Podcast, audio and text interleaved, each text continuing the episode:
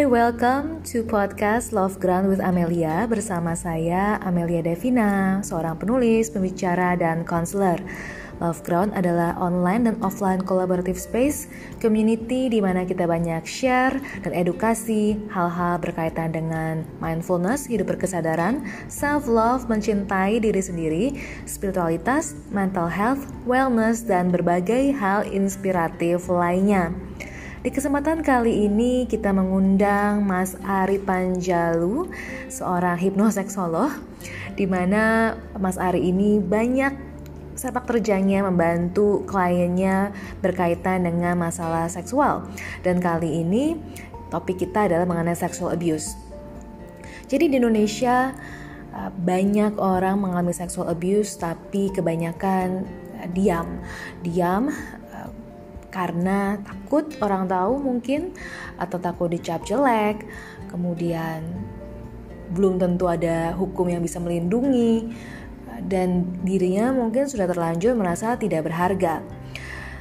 Dan mereka punya punya ketakutan bahwa oh saya adalah orang yang dilecehkan. Tapi mimpi buruk ini ternyata malah akhirnya menjadi kenyataan.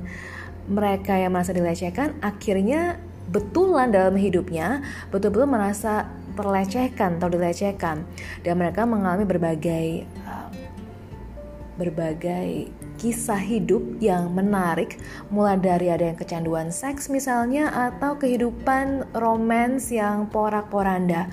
Karena itu tadi, karena mereka deep down merasa tidak berharga, merasa dilecehkan, dan malah mengundang mimpi buruk yang sama untuk terjadi lagi dalam kehidupannya. Tapi menurut Mas Ari, ini sebenarnya bisa sembuh. Nah, kita akan coba dengar sama-sama bagaimana sih cara kita menghandlenya uh, apa sebenarnya terjadi di di mindset kita di pola hidup kita pola uh, pola apa pola biologi kita juga neurobiologi kita juga ketika pelecehan itu terjadi dalam kita dan kenapa bisa terulang lagi dalam dalam kehidupan sesudahnya gitu kan dan buat teman-teman yang mungkin pernah uh, punya kisah, mungkin dengar dari orang lain atau juga mungkin mau anonymous, mau cerita, feel free kita akan senang banget untuk dapat feedback, untuk dapat uh, cerita atau bahkan curhatan dari dari kamu. Kalau memang pernah dengar atau mungkin bahkan mengalami. Dan hopefully bisa menjadi sebuah cerita kali ini ya cerita yang uh, mencerahkan sharing hari ini dan bisa membantu kamu juga untuk uh, betul-betul lebih menerima apa yang terjadi dalam hidup dan mencintai diri sendiri. Terlepas dari apakah kita pernah mengalami atau tidak sexual abuse, I guess episode kali ini tetap bisa membantu kita untuk embracing the past atau masa lalu yang kelam dan memilih jalur untuk uh, bebas merdeka dari rasa takut, rasa malu dan rasa bersalah dan mencintai diri sendiri. Dan kalau suka dengan topik kali ini dan merasa ini akan membantu banyak orang, please juga untuk share kepada teman-teman kamu di sosial media, di WhatsApp, dan seterusnya uh, supaya banyak orang terbantu dan follow juga loveground.co di Instagram dan hipnosexolog di Instagram untuk Mas Ari untuk bisa dapat banyak informasi lainnya dari Mas Ari. Thank you so much dan enjoy.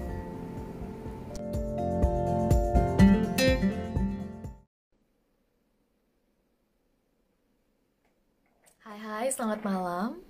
Welcome to this Instagram Live. Malam ini topik kita adalah sexual abuse, mimpi buruk yang menjadi nyata.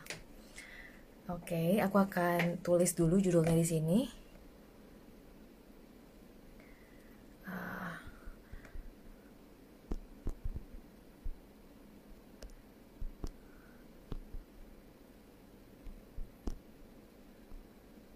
Oke, okay.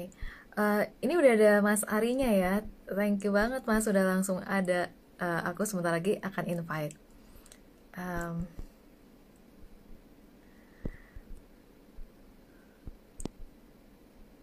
Oke, okay. oke. Okay.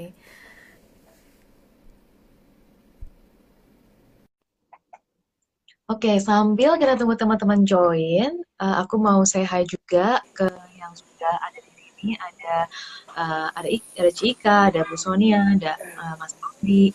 Hai Mas Ari. Halo. Gimana Kak Amel? Maaf.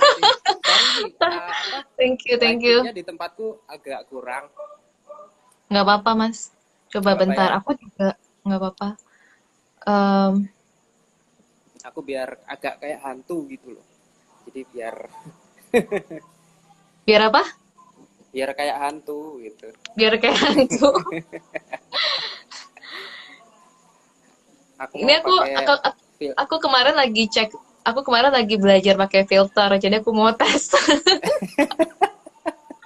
aku mau pakai filter tapi takut eh takut ntar takut kenapa mas pakai takutnya pakai yang ini ini tuh eh, malah cantik aku ntar jadi cantik hmm. Oke, okay. uh, eh, Mas Ari, ini aku pengen tahu teman-teman uh, suaranya kedengeran nggak ya? Karena aku dengarnya agak kecil, Mas. Uh, oh, iya, ini udah, udah, udah, udah. Gimana? Udah. Udah, udah. Oke, okay, sip, ya. sip. Oke. Okay. Oke, okay, thank you banget Mas Ari sudah mm-hmm. berkenan diajak ngobrol-ngobrol hari ini. Iya, sama-sama uh, buat... kakak. Dengar ya, oke, okay, thank you uh, Yesi.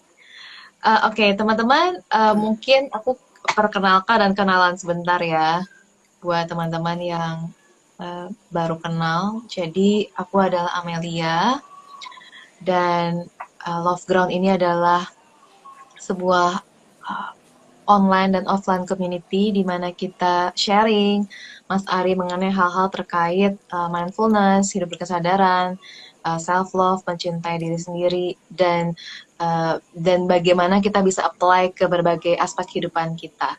Salah satunya adalah mengenai seks juga. Karena karena tidak terpisahkan ya menurut aku ya ya nggak sih tidak terpisahkan.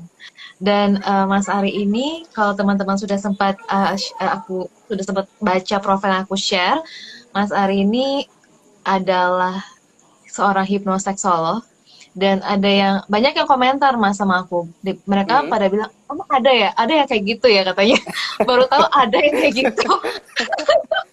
Ada istilah itu gitu. Dia mereka belum nah, tahu. belum tahu ya. Karena emang yang belum pertama aja. gitu. Iya. Jadi memang Mas Ari uh, banyak banyak uh, sudah banyak membantu orang-orang uh, dan banyak juga Mas yang menangani di, di khususnya di bidang uh, seksualitas ini ya di bidang seks ini ya. Yo. Mm -hmm. Oke, okay. uh, Mas mau mau mau perkenalkan diri sendiri dulu gak Mas sebelum Aduh. kita sebelum kita ngobrol? hmm, uh, Oke, okay perlu memperkenalkan diri kayaknya karena iya kalau katanya kan kalau nggak kenal nggak nggak sayang gitu kan kalau nggak sayang nggak cinta gitu nantinya katanya loh. Suaraku kedenger nggak sih kak? Ta tadi kedengeran tapi sekarang agak kecil lagi dikit. Agak kecil lagi. Coba deh cinta aku soalnya pakai clip on. Iya. Halo mbak Mas Tia Gimana sekarang? Uh, sudah lebih baik sih. Lebih baik ya. Ya, coba teman-teman yang lain pada dengar kah dengan jelas? Kayak tadi pada bilang dengar sih, Mas. Jadi harusnya oke. Okay. ya. Oke. Okay. Mm -hmm. Oke. Okay. Sebelum kita mulai, sih kayak mulai training aja nih. Oke, perkenalkan nama saya Ari Panjalu. Jadi di Indonesia, khususnya di Indonesia itu dikenal sebagai seorang hipnoseksolog. Apa sih hipnoseksolog tuh gitu kan pasti mm, tanya. Itu dia, orang pada bingung mas. Apaan sih gitu? Mm -mm. Pasti nanya. Eh, hipnoseksolog ilmu apaan? Sebentar, ini bukan ilmu ya. Jadi hipnoseksologi itu sebenarnya lebih mengacu ke branding aja sih Mm-hmm. Lebih ke branding ya. Jadi branding di mana uh, kebetulan karena teman-teman yang seangkatan atau yang lebih dulu gitu senior senior itu mereka Mm-mm. itu kan sudah terkenal terlebih dulu dengan suatu metode-metode yang mereka perkenalkan gitu kan. Nah, Hmm. setelah aku pelajari, aku pengen mendiferensiasi diriku gitu. Pengen beda gitu aja sih. Beda, Hmm. diferensiasi. Ternyata tak cari-cari, aku konsultasi sama teman-teman yang eh, praktisi digital marketing dan lain sebagainya kayak gitu. Mas, yang tentang seks itu belum ada gitu. Iya, iya. Wah, iya ya. Karena selama ini aku kebanyakan yang tak tangani adalah kendala seksual. Gitu. Hmm. Nah, dari situ tercetuslah sebuah ide namanya hipnoseksologi. Gitu. Hmm. Nah, terus teman-teman itu manggilnya aku itu hipnoseksolog. Kayak gelar Iya. aja gitu loh. Seolah-olah kayak Bener, gelar kan. Padahal kan nggak ada gelar kayak gitu. Iya, iya. Nggak ada gitu. Dipikirnya kan Tapi kayak jadi gelar, benar. dipikirnya kan kayak aku tuh seorang seksolog dan lain sebagainya. Aduh, nggak nyampe otakku untuk seksolog. aku lebih suka mempelajari tentang pola pikir manusia seperti apa, bagaimana cara penanganannya secara mental, bagaimana kayak gitu-gitu. Hmm. Akhirnya kan Hmm. ternyata seiring berjalannya waktu itu aku bisa membantu banyak orang yang mengalami kendala-kendala seksual gitu dari yang mulai Hmm. trauma dan lain sebagainya Nah, ini nih Mas, aku udah mau mulai masuk nih. Kan kita Ah. topiknya hari ini mengenai sexual abuse, mimpi buruk yang menjadi nyata. Tapi sebelum masuk ke sana, pengen tahu Mas Ari itu sebenarnya nanganin kasus eh, kasus-kasus seksual ini, boleh tahu nggak Mas seperti apa aja selama ini yang yang yang, yang mungkin menarik untuk di-share gitu, supaya mungkin eh, teman-teman lain yang mendengar tahu bahwa mungkin ya mungkin kayak oh ternyata Hmm. tuh aku nggak aneh gitu atau aku nggak sendirian gitu kan atau apa yang aku alami ini wajar loh normal loh gitu. Mm-mm.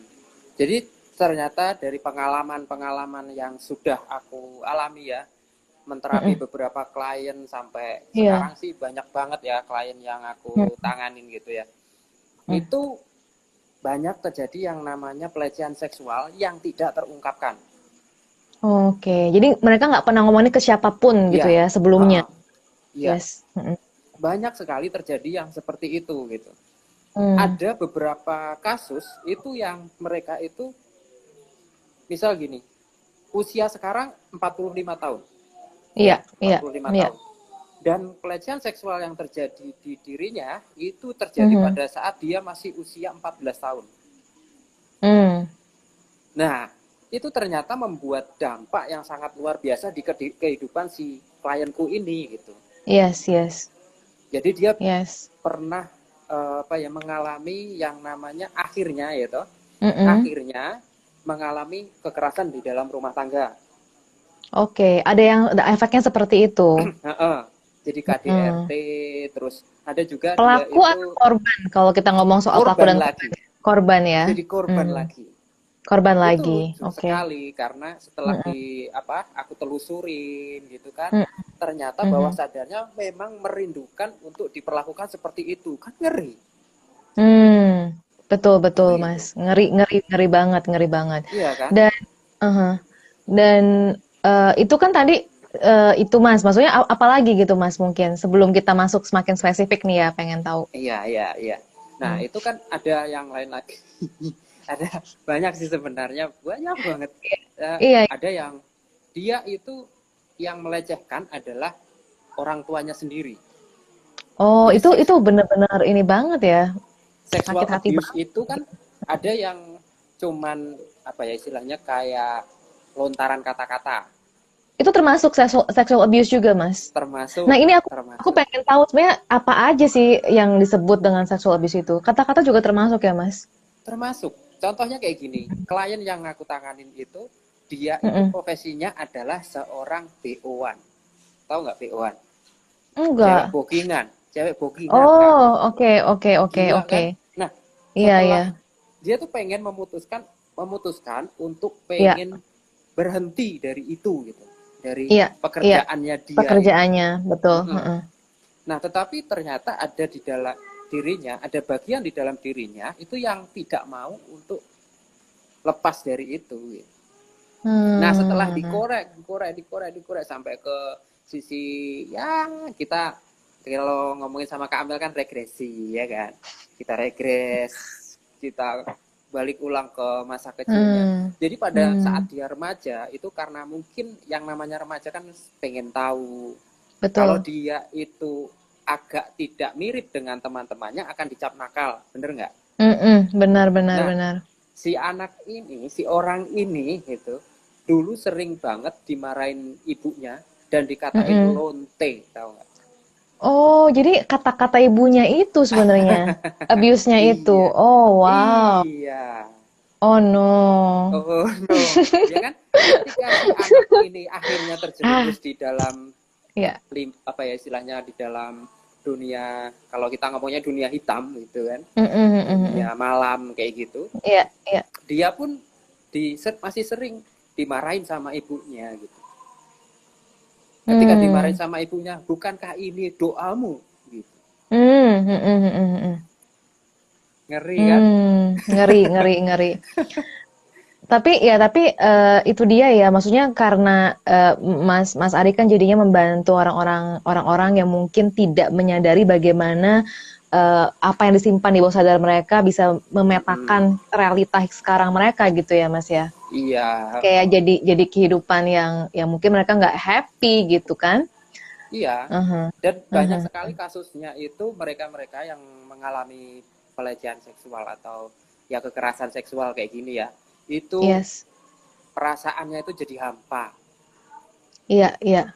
jadi mereka itu kayak nggak punya rasa cinta rasa apa gitu nggak punya Hmm. gitu. rasa kasih Hmm. sayangnya itu dia itu empatinya juga nggak bisa loss gitu nggak bisa Hmm, mhm. Iya Mas. Jadi kalau benar, kalau aku lihat ada ada ekstri- beberapa ekstrim ya Mas ya. Jadi mungkin ada yang satu sisi mereka jadi sangat minder gitu kan. Jadi orang yang sangat Hmm. minder, menutup diri, Hmm. eh, eh, nggak merasa pede untuk ketemu lawan jenis misalnya. Eh, terus juga eh, mereka em, ada cinta yang datang mereka menutup diri, membangun benteng gitu kan. iya Hat- eh, satu sisi lain mereka jadi yang kayak haus banget gitu ya kayak tanda Iya. kutip ya kayak jadi kayak eh, mencari mengejar gitu mau Mencari. terus-terusan eh, mau terus-terusan terekspos dengan dengan eh, dengan lawan jenis ataupun dengan eh, kegiatan seksual gitu Eh, kenapa ada orang yang sat- yang ke arah ekstrim ini ada yang lainnya gitu mas itu kan atau ada ekstrim lainnya juga ada ada sih ada juga Jadi, ya Heeh. ada beberapa klienku yang dia itu datang ke aku itu basicnya karena hiperseks Hmm, awalnya dia nggak tahu tuh kenapanya dulu gitu ya. Nggak Pokoknya datang karena kenapa. hypersex aja dulu gitu. Heeh, heeh. Hmm. setelah sesi wawancara terus dan lain sebagainya akhirnya sampai ke suatu titik akhirnya ketemu nih akar masalahnya ternyata dia menikmati sensasi ketika dia dulu pernah diperkosa Oh, oke. empat orang Oke. diperkosa empat orang Iya, iya. Iya, iya. jadi karena Oke. dia merasa ada sensasi yang lain yang belum pernah dia rasakan dan Hmm, itu adalah mm-mm. pengalaman pertamanya dia lalu Hmm. setelah itu memang dia ada Hmm. laporan ke polisi dan orang-orang ini ditindak dan lain sebagainya tetapi Mm-mm. efek traumanya kan tidak disembuhkan Betul, betul. Jadi efek apa ya istilahnya yang membekas di dalam emosinya dia itu tidak ada yang me- apa ya istilahnya memberikan pendampingan sama si orang ini gitu. Dan ternyata setelah di perjalanan waktu dia itu kayak mencari mencari mencari kepuasan gitu Mm-mm. bahkan dengan satu orang tuh nggak puas dia Hmm. kan Karena dia punya pengalaman itu ya, Mas. iya sa- salah satu sisi di dalam dirinya itu menolak nggak mau Iya, gitu iya, iya, iya, iya. Dia anggap tuh kan- salah gitu kan. Itu kan pemerkosaan salah gitu. iya dan dan Hmm. dia itu kak aku kok jadi kayak gini merasa Mm, mm, itu kok jadi binal banget jadi nakal banget Benar. gitu ada satu sisi seperti itu di sisi lain dia tidak mendapatkan kepuasan kalau hanya dengan satu orang Hmm. Kan ngeri. Ribet ya kalau ribet nih kalau mau punya pasangan ribet kayak gini. iya Ya kalau kan? udah punya pasangan aduh Dan juga bingung juga Ini. pasangannya ya kan dan juga rentan penyakit seksual ya, Pak, apa? iya jadinya ya. ngeri kan Hmm. makanya aku nah ini kok kita kasih judulnya kan mimpi buruk yang menjadi nyata wow Bener-bener, bener Mas. Ini ini bener banget. Jadi ini pas Mas Ari eh, kasih tagline ini ya, apa subjudulnya aku aku pikir ih bener banget ya. Jadi apa yang eh, apa yang mereka takutkan untuk terulang, akhirnya malah diulang gitu kan. malah Malah diulang diulang kembali, benar-benar. iya Iya. mhm. malah akan Dan menjadi sebuah pola gitu Betul, betul, betul. Eh, dan ya betul banget sih Mas. Jadi kalau kita nggak melihatnya dan nggak me- me- me- apa ya istilahnya ya mungkin me- mengubahnya, mentransformasinya, beneran bisa mengacaukan hidup banget ya Mas ya. iya Mhm, karena mhm. banyak sekali ya yang ada dulu yang dia itu malah si cewek ini pernah di apa ya dipaksa gitu ya dia Hmm, hmm, dipaksa pas dia remaja itu dipaksa untuk melakukan hubungan badan sama seseorang. Mhm, dan dia nih sosoknya itu otoritas buat dia. Mhm, jadi jadi semacam kayak masih ada hubungan saudara gitu kan. Oke, oke. nah itu ternyata dia di semacam kayak disakiti dan lain sebagainya. Mhm. dan ketika dia sudah menikah lucunya adalah dia sangat keranjingan untuk disakiti Hmm, kesukaannya gitu. Heeh, disakiti dalam arti gini Iya, iya, iya. jadi Bu, dia itu kayak memancing-mancing emosi suaminya biar dia aduh. Oke, oke. Jadi jadinya jadi kayak ADRT gitu ujung-ujungnya. KDRT heeh. tapi setelah Oh itu iya iya iya iya. iya. setelah itu kan si suaminya akan memohon-mohon akan memeluk-meluk terus Dia merasa eh, disayang meminta jadinya. maaf ya Jadi merasa disayang gitu. Heeh. dan itu uh, Betul bisa betul. sampai kayak gini ya aku karena ternyata hal itu terjadi variabelnya banyak banget Mhm. Jadi ada yang misalkan dia jadi minder, ya itu memang basicnya kebanyakan karena orang tuanya ngejudge dia, terus akhirnya Mhm, kamu tuh nggak boleh kayak gini kamu sering. Jadi dia ngomong ngomongin yang benar dimarahin, ngomong yang salah juga dimarahin. Mhm, mhm, mhm. Nah itu biasanya anak jadi minder. Hmm. Nah beda lagi sama mereka yang eh, apa ya istilahnya agak lost lah ya, agak eh, Betul betul. pendidikannya agak Jadi iya free bebas tapi kamu bertanggung Iya. jawab gitu. iya iya. Itu akan mewujudkan suatu apa istilahnya kayak fenomena atau pengalaman yang unik karena di situ ketika di sexual abuse itu kan pasti ada rasa takut, pasti Hmm. ada rasa benci sama orangnya, pasti ada rasa Hmm. jijik, ada rasa Mm-mm. dendam juga, rasa marah. Tapi kok ada rasa enak juga gitu. Betul. Itu yang banyak terjadi, Mas. Itu yang banyak terjadi tuh. Jadi satu sisi membencinya pengalaman itu, tapi sisi lain mereka mengalami sesuatu yang mereka nggak pernah alami sebelumnya dan mereka suka ternyata perasaan Iya. itu. Ha-ha. Jadi Mm-mm. tapi karena mereka suka, dia merasa Mm-mm. Kok aku jadi kayak gini gitu. Tetapi ada Iya. batin sisi batin yang lain tuh, ah ini nggak bagus, ini jelek kayak gitu. Betul Akhirnya betul. kan menjadi apa semacam pertentangan di dalam diri mereka seumur Betul. hidup. Kalau tidak ada Betul. yang membimbing. Nah, itu Betul. sungguh sungguh tidak mengenakkan ketika di dalam diri ini ada semacam dua sosok yang saling berbenturan terus. Yes, yes. Setuju banget, Mas. Itu bisa jadi eh, apa ya eh, mimpi buruk seumur hidup ya, Mas. Kalau seperti ini Iya. ya. Dan dan sebelum aku lanjut sama Mas Ari nanya-nanya, aku pengen ngobrol sebentar sama teman-teman yang lagi nonton sekarang. Oke. Eh, pingin tahu dong, pingin tahu apakah teman-teman ini nggak harus eh, boleh boleh kalau misalnya eh, merasa private kan ceritanya bisa Hmm. cerita aja bisa ya oh saya pernah dengar seperti ini gitu mungkin Eh, pernah dengar cerita apa sih gitu kan terkait sexual abuse ini? Eh, siapa tahu ada ada ada yang pengen dibagikan.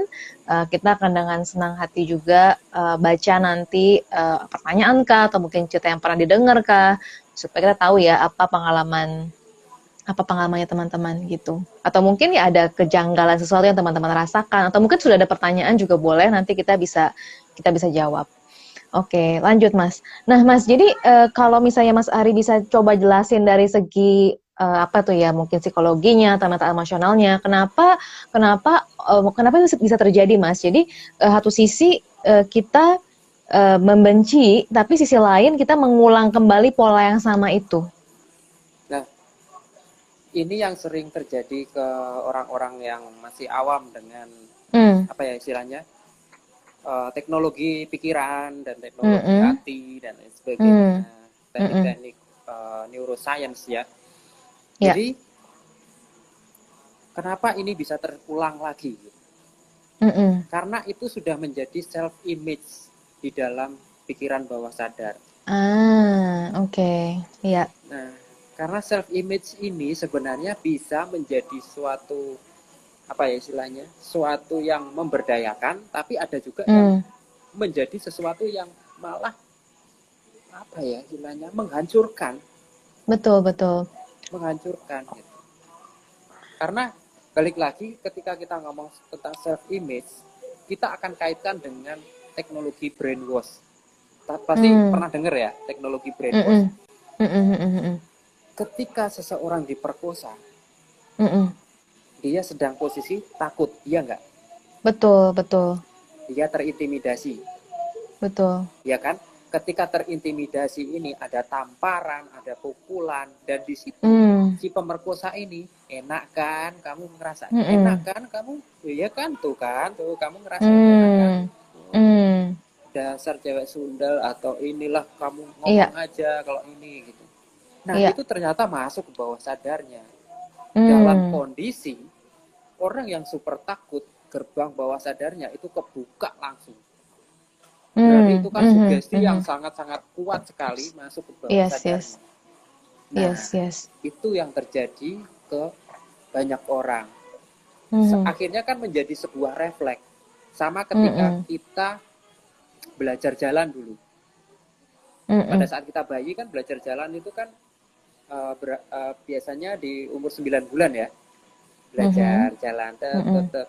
tapi di sambil jalan ini kan jatuh ini jatuh bangun lagi jatuh bangun lagi sampai tiga bulan setelah tiga bulan dia baru benar-benar lancar jalan nah mm -hmm. ini sebenarnya bisa diakali dengan teknologi brainwash itu tadi mm. untuk memasukkan suatu self image ke seseorang dengan sangat cepat Hmm, Dan ketika okay. itu tidak ditangani oleh orang-orang yang sudah berpengalaman, yeah, ya yeah. akan, iya itu hmm. ya akan terjadi okay. gitu.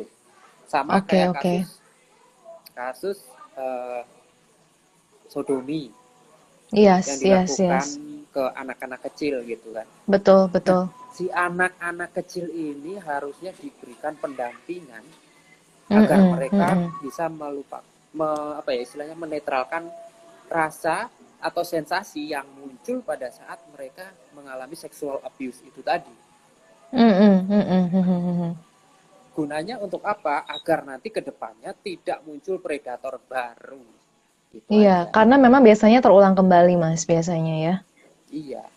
Iya. Dan biasanya si korban mm ini pengen balas dendam loh. Hmm. Hmm. Oke. Okay. Balas dendamnya itu dalam bentuk aku juga merasakan kenikmatan, aku pengen ngerasain juga. Ah, itu. Hmm. Hmm, oke. Okay. Kan ngeri.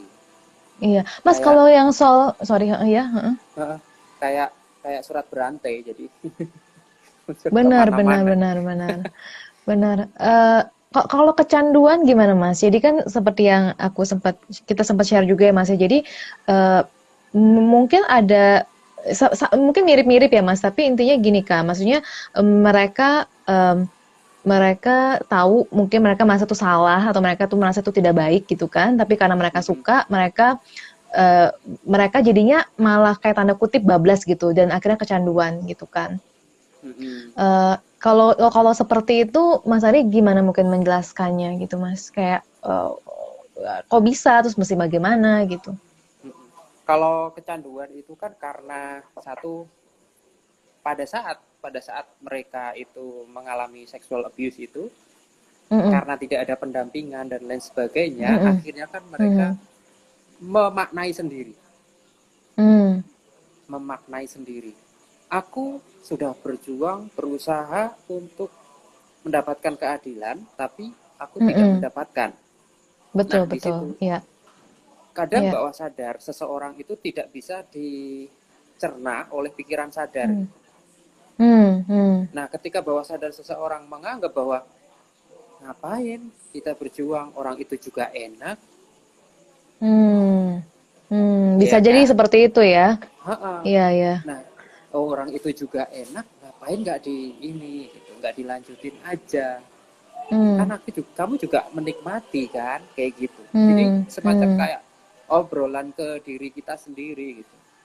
Benar-benar.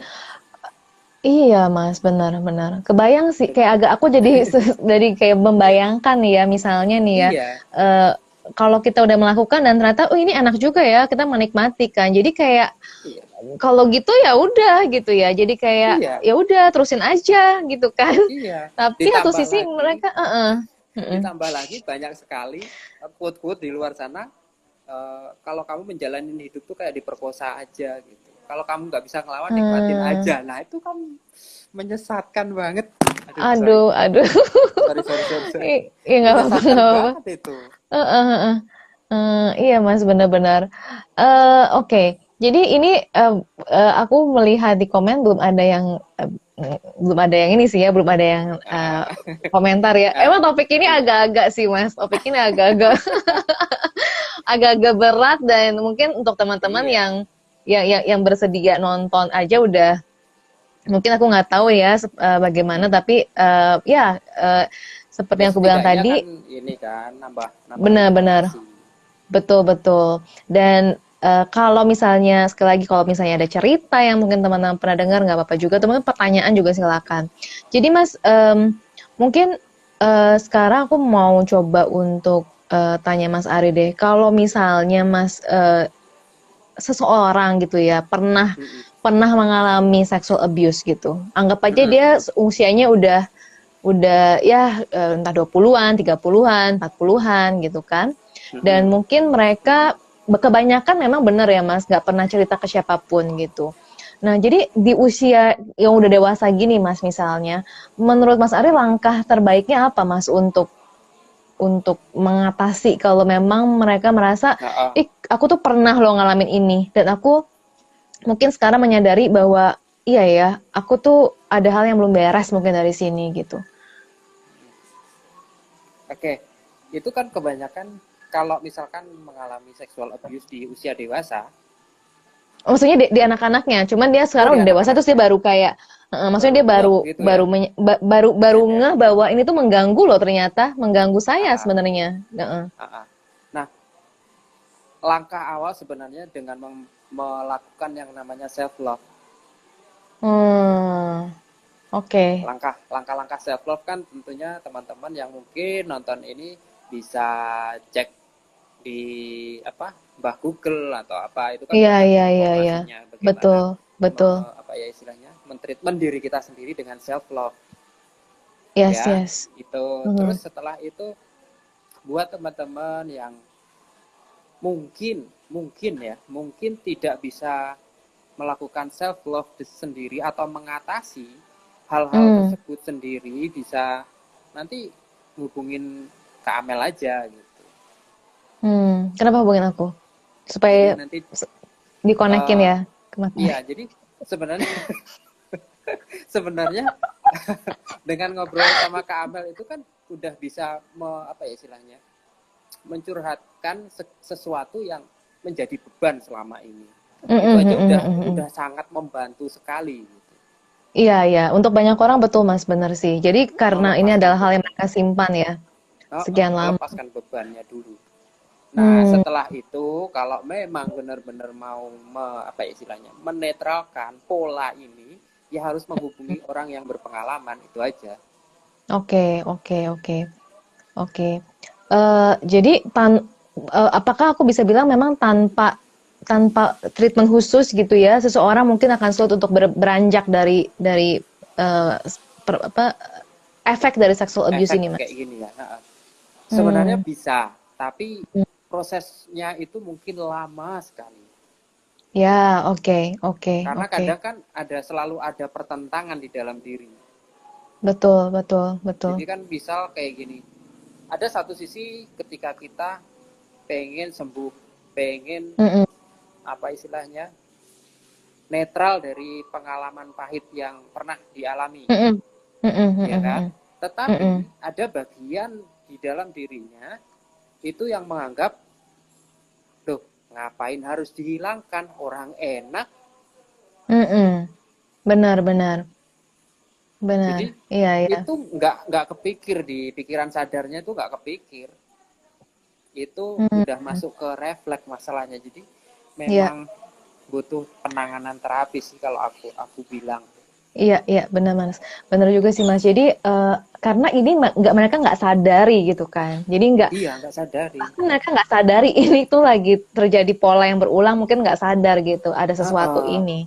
Pokoknya Ah, ah. taunya aku hypersex, aku hubungannya nggak pernah beres gitu kan. Aku Ah, apa apa apa, tapi nggak tahu bahwa Ah, ah. ternyata efeknya tuh sebenarnya datang dari hal yang sangat jauh di sana gitu dan dan Iya. dan terus sekarang.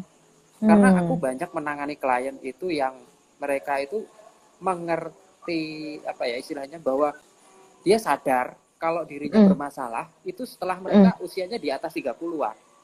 Hmm, iya, iya, udah mulai tua dikit ada lah ya. Itu Ah, udah mulai ngerti tuh gitu. kemarin tuh ada yang usianya udah 50 tahun. Mhm, mhm. Udah 50 tahun tapi masih haus dengan seks. Gila kan? Hmm, Udah hmm, menopause loh itu. hmm. Kok Iya, dia iya, iya. masih masih pengennya itu selalu di gengbeng. Tahu nggak di gengbeng? Iya, iya, iya, iya, iya. Iya bilang, Seru bener ya. ya udah 50 tahun Benar, benar, benar. dan dia menyadari kok saya seperti ini ya. Saya itu udah Hmm, tua, saya udah ini kok mm-mm. tapi perasaan saya tetap hampa gitu. Iya, iya, iya. Saya merasa Hmm, tidak ada yang mencintai dan lain sebagainya. Nah, itu kan Hmm. kasihan sekali kalau ada ketemu orang-orang kayak gini tuh. Betul, betul. Dan dan mungkin di di karena negara kita juga ya Mas, ini kita juga pernah bahas bahwa eh, karena ini adalah hal yang orang jarang mau ngomong, jadinya orang nggak berani ngomong gitu. Mungkin Iya, sekarang nah zaman yang sekarang gitu ya, ada sosial media mm-mm. eh, membantu untuk orang bisa lebih eh, speak out gitu kan, bisa lebih Ah, cerita. iya. Mm, Mungkin pakai fake account kah atau mungkin ya nama samaran bagaimana itu mungkin membantu. mm-mm. Cuman Iya, tetap aja menurut aku ya masih banyak yang lainnya yang tetap aja malu untuk cerita atau nggak berani iya, gitu. iya. Hmm. Ya sebenarnya kalau buat teman-teman, teman-teman yang mengalami seksual abuse kayak gini, sebenarnya untuk cerita ke orang itu ya sebaiknya dengan orang yang bisa dipercaya. Contohnya dengan Betul, betul. terapis karena seorang Ya, terapis itu pasti akan menjaga rahasia kliennya. betul, Dari betul. yang aku obrolkan ini kan aku nggak pernah menyebut nama sama sekali. Betul, Mas. Dan selain itu Jadi, non judgmental ya, Mas ya. Maksudnya seorang oh terapis nggak iya, akan punya nggak akan punya judgment. Oh, kamu tuh ih kayak gitu tuh nggak ini banget loh kan nggak mungkin kayak ah, gitu. nggak mungkin Iya, lah iya. gila aja. Mau nyembuhin Iya. malah ngasih judgement. Nah, Iya, itu. betul. Tapi kalau cerita ke orang yang kurang tepat, beneran bener Nah, gitu bisa-bisa nanti aduh. ih gila lu ya gitu kan atau Ah, mungkin lu nggak ah. salah gitu atau atau mungkin ya banyaklah uh, judgement yang lainnya yang bisa diterima. Iya. Mas ini ini uh, mungkin agak keluar sedikit tapi masih berkaitan. Aku tiba-tiba uh, ngeh juga nih Mas, bagaimana dengan pelakunya Mas? Hmm, pelakunya. Pernah nggak Mas treat nge-treat orang yang jadi pelakunya gitu dan mereka nggak tahu apa efek-efeknya yang terjadi kalau pelaku yang yang yang yang, yang kalau pelaku tuh efeknya gimana biasanya ke diri mereka? Kalau pelaku tuh ada pernah nanganin tiga, tiga, Hmm, ada tiga hmm, hmm. seumur seumur aku dari 2010 sampai sekarang ya. Umur, 2010 oh iya. sekarang. Aku menterapi orang dari 2010 sampai sekarang itu tiga Mhm. orang. Mereka memang pelaku dan mereka sudah me- apa ya mengalami di penjara karena perbuatan Oh, mereka gitu dan oke, mereka oke. tuh merasa bersalah sekali tetapi Hmm, ada efek mereka pengen mengulangi lagi oke. Iya, iya, karena iya. kepuasan mereka tidak terpenuhi mereka baru puas kalau itu terulang lagi karena sensasi yes. yang muncul waktu itu ya adrenalinnya, rasa takutnya, yeah. semua yang itu kan. Mm-mm. Lihat orang yang mungkin takut juga teriak-teriak gitu, apalah. Jadi kan itu kan macam kayak fetishnya mereka gitu. Betul betul. Hmm, nah, oke. Okay. Yes. Mm-mm. Ini dampaknya itu memang mereka itu kayak orang yang akhirnya setelah keluar dari penjara itu sering ngomong aku tuh pantas untuk mati aku tuh pantas untuk mati aku tuh merasa bersalah sebenarnya tapi men menikmati sama ya mas. Jadi ada ada satu hal yang terkait kan sebenarnya kan Benernya antara pelaku dan korban ini. Iya iya iya. Karena mereka di pada saat di penjara itu mereka juga cerita ke aku bahwa mereka mm -hmm. juga diperlakukan jauh lebih sadis. Oh. Karena orang-orang di penjara itu tahu kalau mereka orang yang mencabuli kayak gitu tuh banyak yang nggak suka gitu. Iya iya iya iya iya. Ya.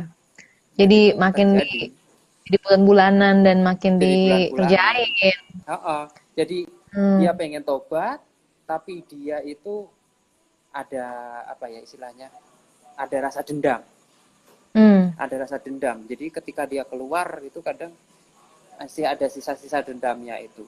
Dan yang ya, paling parah ya. adalah dia meng, mengejat dirinya itu pantas mati, pantas mati. Dan dari tiga mm. orang yang aku terapi itu ada satu yang sekarang udah meninggal. Karena bunuh diri, Mas? Bukan. Karena oh, dia okay. mengundang penyakit gitu. Oh, Karena dia selalu okay. ngomong aku pantas mati. Oh iya iya ya, ya setipe lah ya sebenarnya ya. Karena dengan cara lain dia akhirnya meninggal. Betul betul betul. halus, menarik ya. sekali, menarik sekali. Jadi sebenarnya uh, untuk untuk uh, orang-orang yang dengar ini karena nanti ini juga aku akan share di YouTube dan podcast ya, mungkin supaya banyak yang bisa lebih dengar lagi. Uh, untuk teman-teman siapa pun di sini yang mungkin pernah mengalami uh, uh, apa sexual abuse dan mungkin kalian merasa bahwa itu jahanam atau brengsek tuh pelakunya gitu. Uh, believe it or not ternyata mereka juga mengalami hal yang sama seperti yang teman-teman rasakan mungkin dan mungkin bahkan lebih parah ya Mas ya kayak yeah. that uh, ya kan apa yang mereka bawa sesudah sesudah kejadian itu gitu. Mm -hmm. hmm. Oke. Okay. Apa ya? Menarik sih, menarik kalau aku menarik. aku bilang menarik. Menarik betul, untuk, betul. dibahas juga satu mm -hmm. uh, ngasih edukasi juga bahwa sebenarnya sex hmm. abuse itu macam-macam. Jadi sex abuse itu kan secara verbal itu juga ada sex abuse secara fisik ya, non verbal hmm. atau penggunaan ini fisik gitu ada. Hmm. Nah. Ini pertanyaannya si Steph ini ya, uh, seperti apa sih uh, batasannya? Jadi ya tadi kita ada sempat bahas sih di awal ya Mas ya, verbal uh, juga termasuk, uh, physical juga termasuk ya. Iya. Jadi Dan, uh, hmm?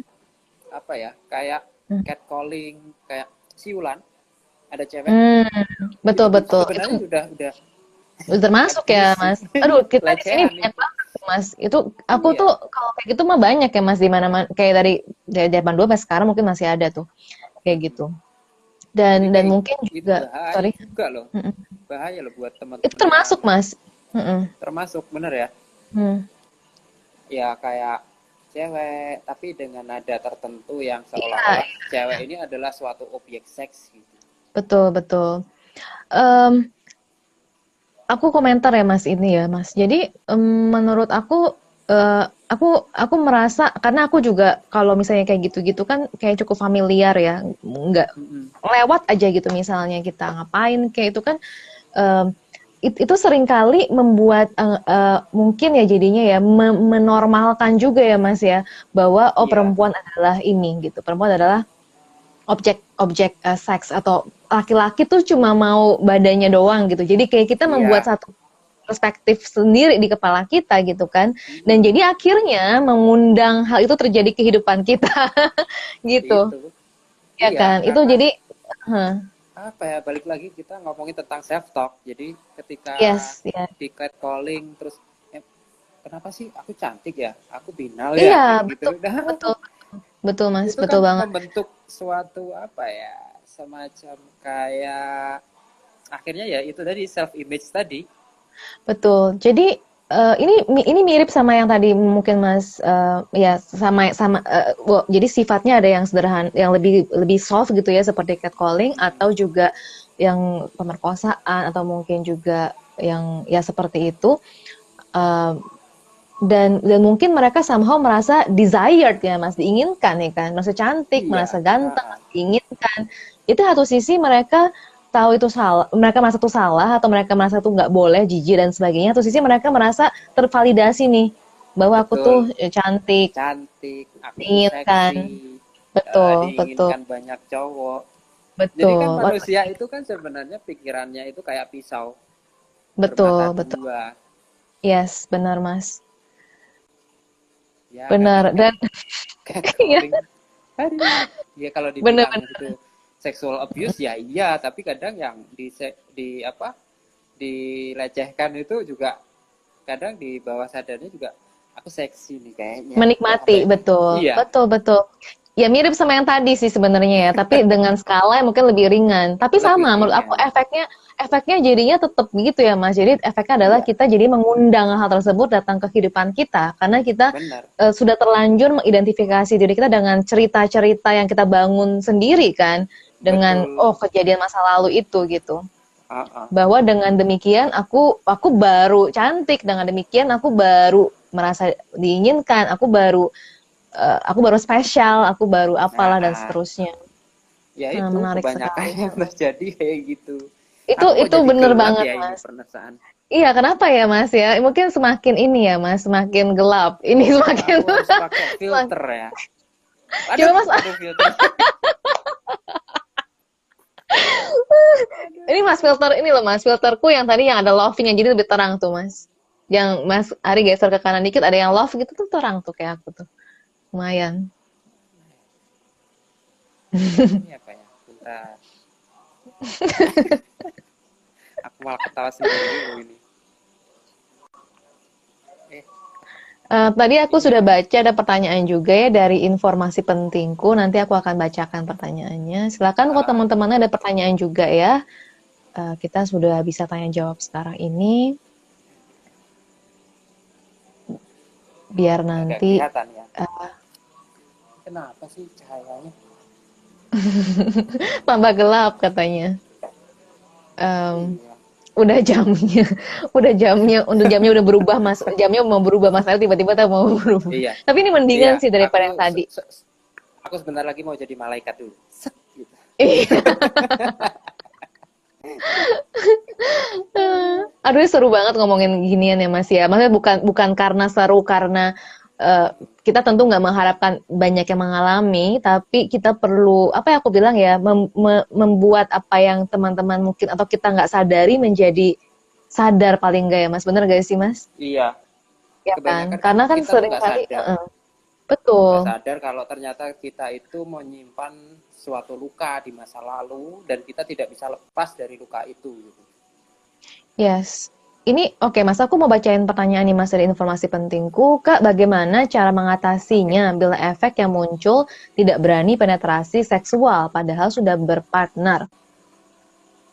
Nah ini juga nggak sedikit hmm. mungkin ya Mas ngalamin ya. Tidak berani penetrasi itu dalam artian ini si cowok apa si cewek nih? Oh iya, ini coba nih boleh uh, boleh diperjelas apakah ya. uh, yang mengalami ini perempuan atau laki-laki? Boleh tolong dijawab lagi uh, informasi pentingku. Coba ya sambil kita tunggu. Uh, tapi beda ya Mas ya, cewek sama cowok agak beda di sini kah? Uh, agak agak beda. Oke. Okay, agak okay. beda. Jadi okay. agak bedanya gini. Hmm. Jadi cowok gitu kadang kalau dia pernah mengalami seksual abuse atau pelecehan seksual dengan sesama cowok dia akan cenderung mungkin ya cenderung tidak akan mudah untuk uh, ereksi kalau sama mm. cewek. Mm -mm. Mm -mm. karena dia agak lebih ke cowok ya mas? Iya. Lebih ke cowok Tapi ya jadi oh ini informasi penting ini perempuan Perempuan katanya. Nah, nggak berani dipenetrasi berarti. Nggak berani dipenetrasi itu berarti tandanya kalau sampai hmm. nggak mm. berani dipenetrasi itu bisa jadi itu karena otot-otot yang sudah ada di misfi atau vagina itu merasakan mm -mm. sensasi yang menakutkan dari pikiran mm. yang sudah ada ini. Ya, Jadi ya, dia ya. menangkap kalau nanti sampai kemasukan itu sakitnya sama kayak yang Waktu itu. dulu pernah dialami. Jadi kan Yes, yes, kalau dari yes. 10 orang, 10 orang yang mengalami pelecehan seksual gitu ya. Dari 10 Mm-mm. orang ini memang yang tiga ini benar-benar ketakutan. Benar-benar Hmm. ketakutan. Sampai ke Hmm. tingkatan otot, saraf dan lain sebagainya. Iya, iya. Nah, kalau yang tujuh ini kebanyakan ada yang akhirnya jadi nyeleneh lah, macem-macem gitu. Mm-mm, Jadi mm-mm. ada yang kecanduan, ada yang jadi hyperseks, ada yang macam-macam gitu. Hmm. Iya, oke, oke. Ini berdasarkan pengalaman nih, Mas ya. Sepertinya nih ya, tiga tujuh tadi ya.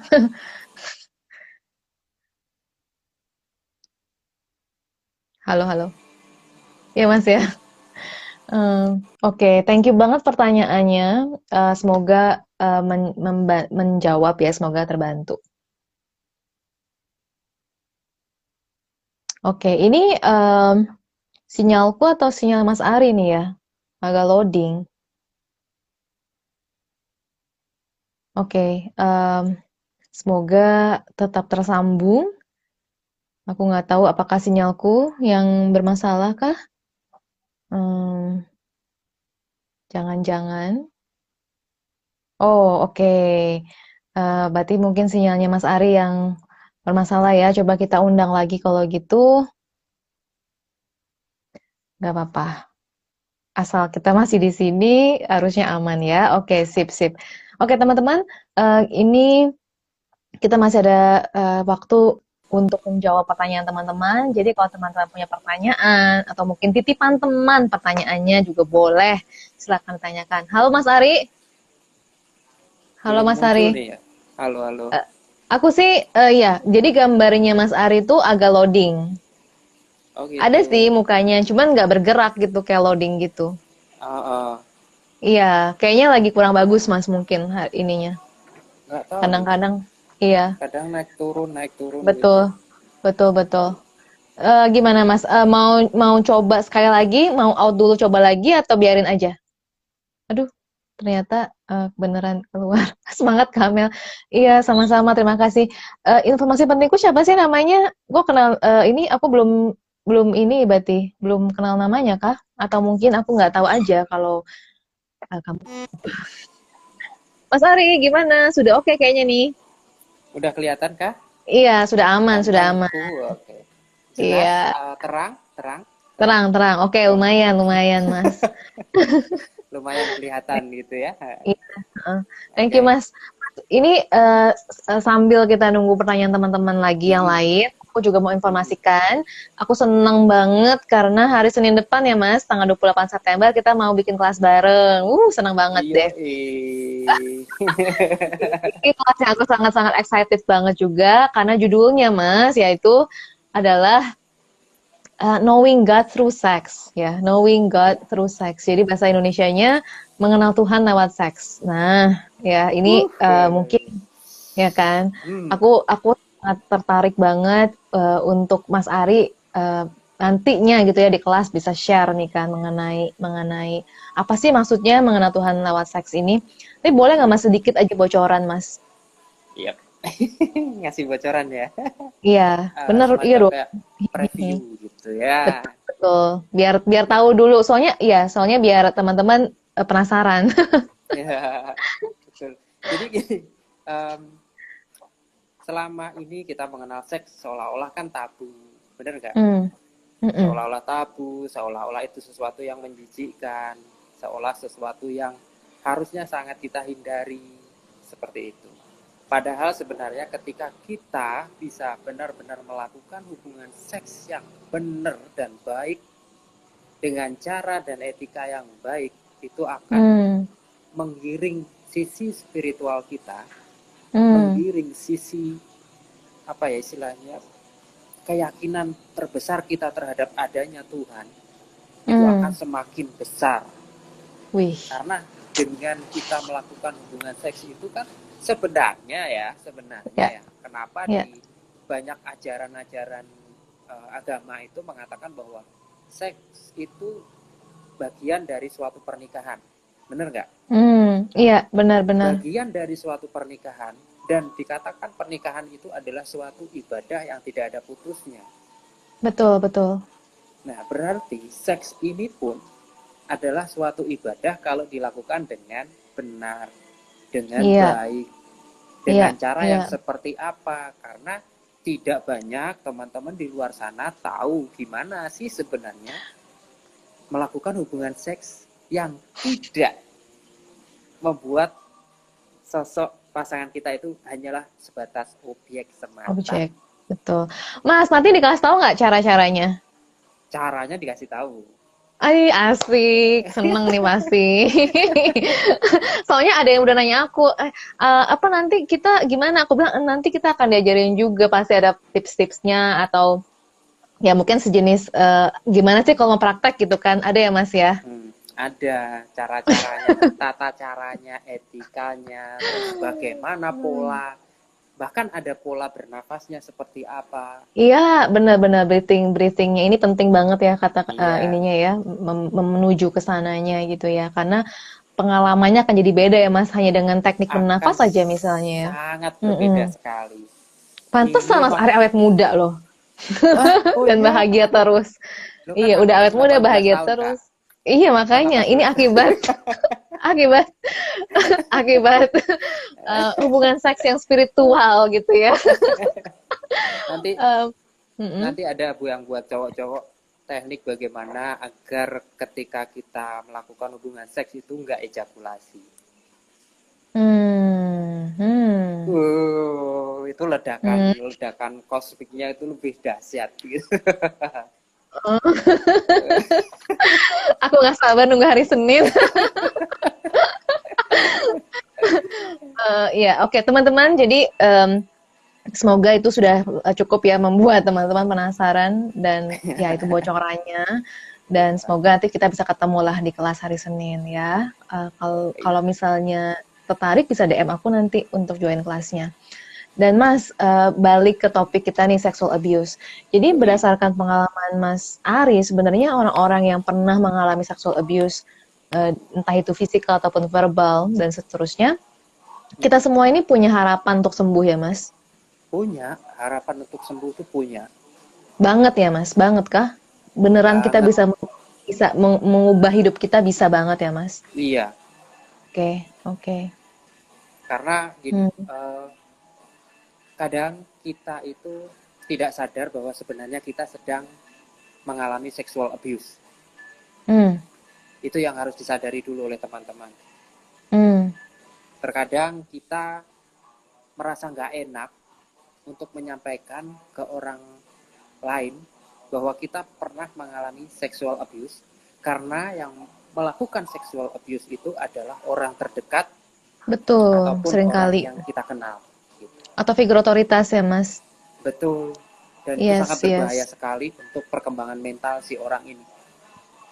Ataupun juga kalau pernah melakukan gitu kan, juga jangan kepatas, jangan berkecil hati untuk membuka diri ya, karena sering kali mungkin yang melakukan akan punya judgement lebih besar kepada dirinya, ya kan? Iya. Karena dia pelaku bukan korban loh gitu, dia kayak bisa, ya kan? Dia pasti akan takut juga ya apa yang orang akan katakan. Tapi seperti Mas bilang tadi, eh, dengan dengan terapis yang tepat, eh, tidak akan ada judgement sama sekali mengenai hal itu.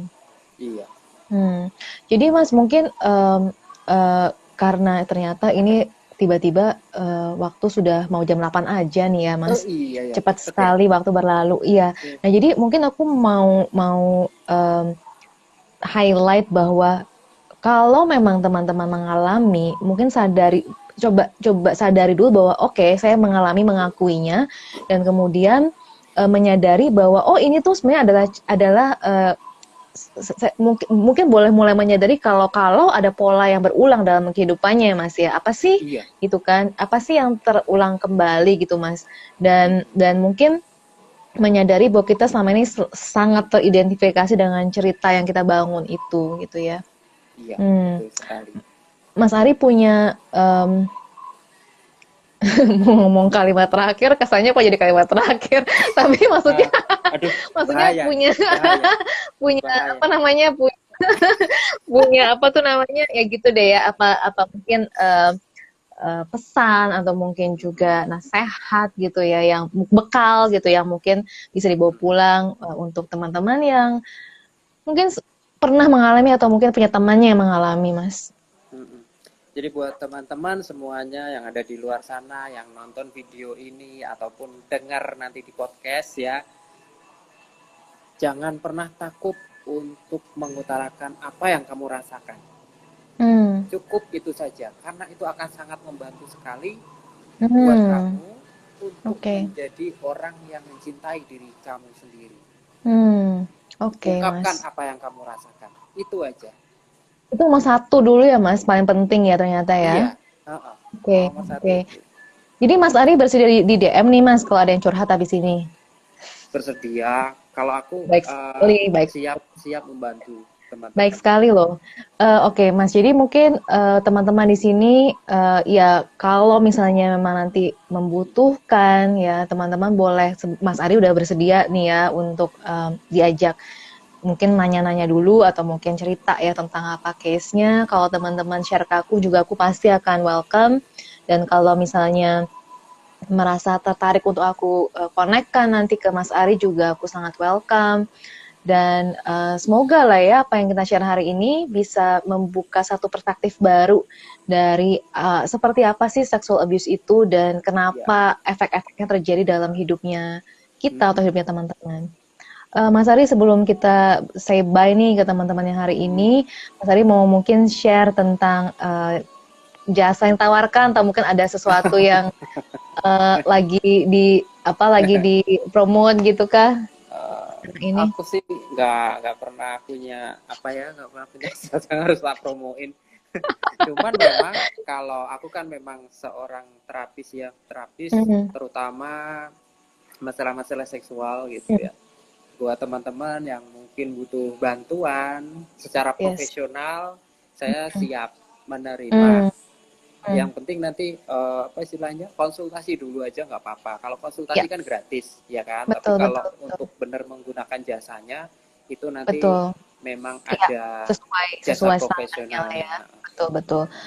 Oke, okay, thank you banget Mas karena karena aku yakin eh, orang-orang banyak yang membutuhkan Mas Ari, Weh, dan dan itu nggak banyak ya Mas, nggak banyak. Seperti yang aku bilang kemarin Mas Ari, mungkin kalau ngomong soal teknikal banyak gitu, ngomong soal teknikalnya, oh mesti gimana sih itu supaya um, apa mungkin tips bercinta atau sebagainya mungkin banyak ya mas tapi ah. uh, orang-orang yang bisa melihat uh, seks secara mental emosional dan spiritual tuh mungkin nggak banyak gitu iya. dan oleh karenanya uh, ya penting banget lah gitu untuk kita membahas hal, seperti ini dan kalau teman-teman merasa ada pertanyaan sudah ini boleh share ke kita, boleh eh, DM, tanyakan aja. Mungkin kita bisa ngobrolin lagi dengan topik berbeda atau mungkin ya. kita bisa bahas dengan cara yang lain ya Mas ya.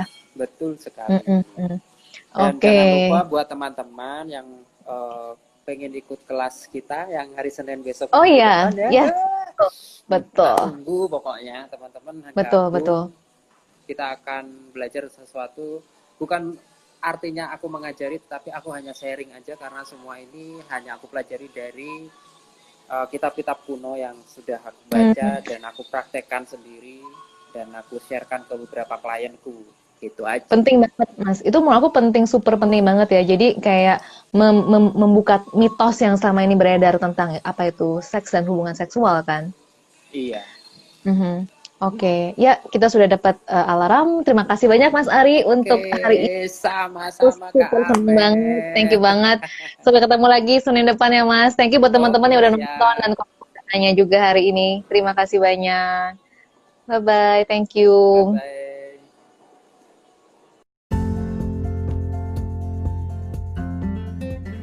Hai, gimana setelah kita dengar sama-sama penjelasan dari Mas Ari, obrolan kita barusan. Dan aku rasa kita bisa sama-sama belajar ya bahwa semakin kita melekat sama identity uh, dari masa lalu kita, kita menganggap sebagai sebuah kebenaran dan kita tidak belajar untuk melepasnya atau bahkan kalau perlu mencari bantuan profesional, kita benar bisa terkungkung oleh oleh penderitaan kita. Dan apa yang kita anggap sebagai sesuatu yang yang namanya takdir barangkali menjadi takdir karena kita nggak tahu cara rilisnya, cara kita keluar keluar dari uh, cycle dari pola yang berulang itu. Jadi Semoga ini bisa mencerahkan dan menjadi sebuah uh, pemicu, sebuah trigger untuk kita semua sama-sama melihat ke dalam apa aja sih hal-hal yang belum kita maafkan dalam hidup kita, apakah ada yang perlu kita rilis, dan kalau memang perlu, boleh deh kita untuk cari beneran bantuan profesional yang bisa membantu kita dalam berbagai aspek kehidupan. Hopefully teman-teman terbantu.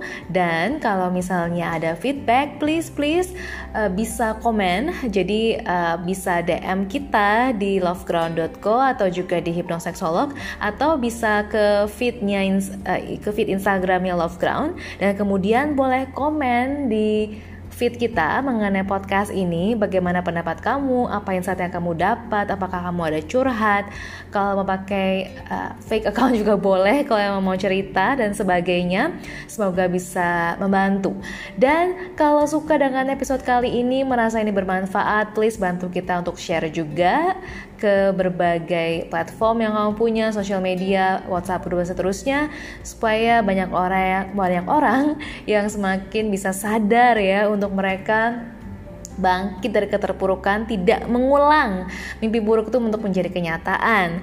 Thank you so much guys dan sampai jumpa lagi kita di episode berikutnya yang tentu akan sangat menarik.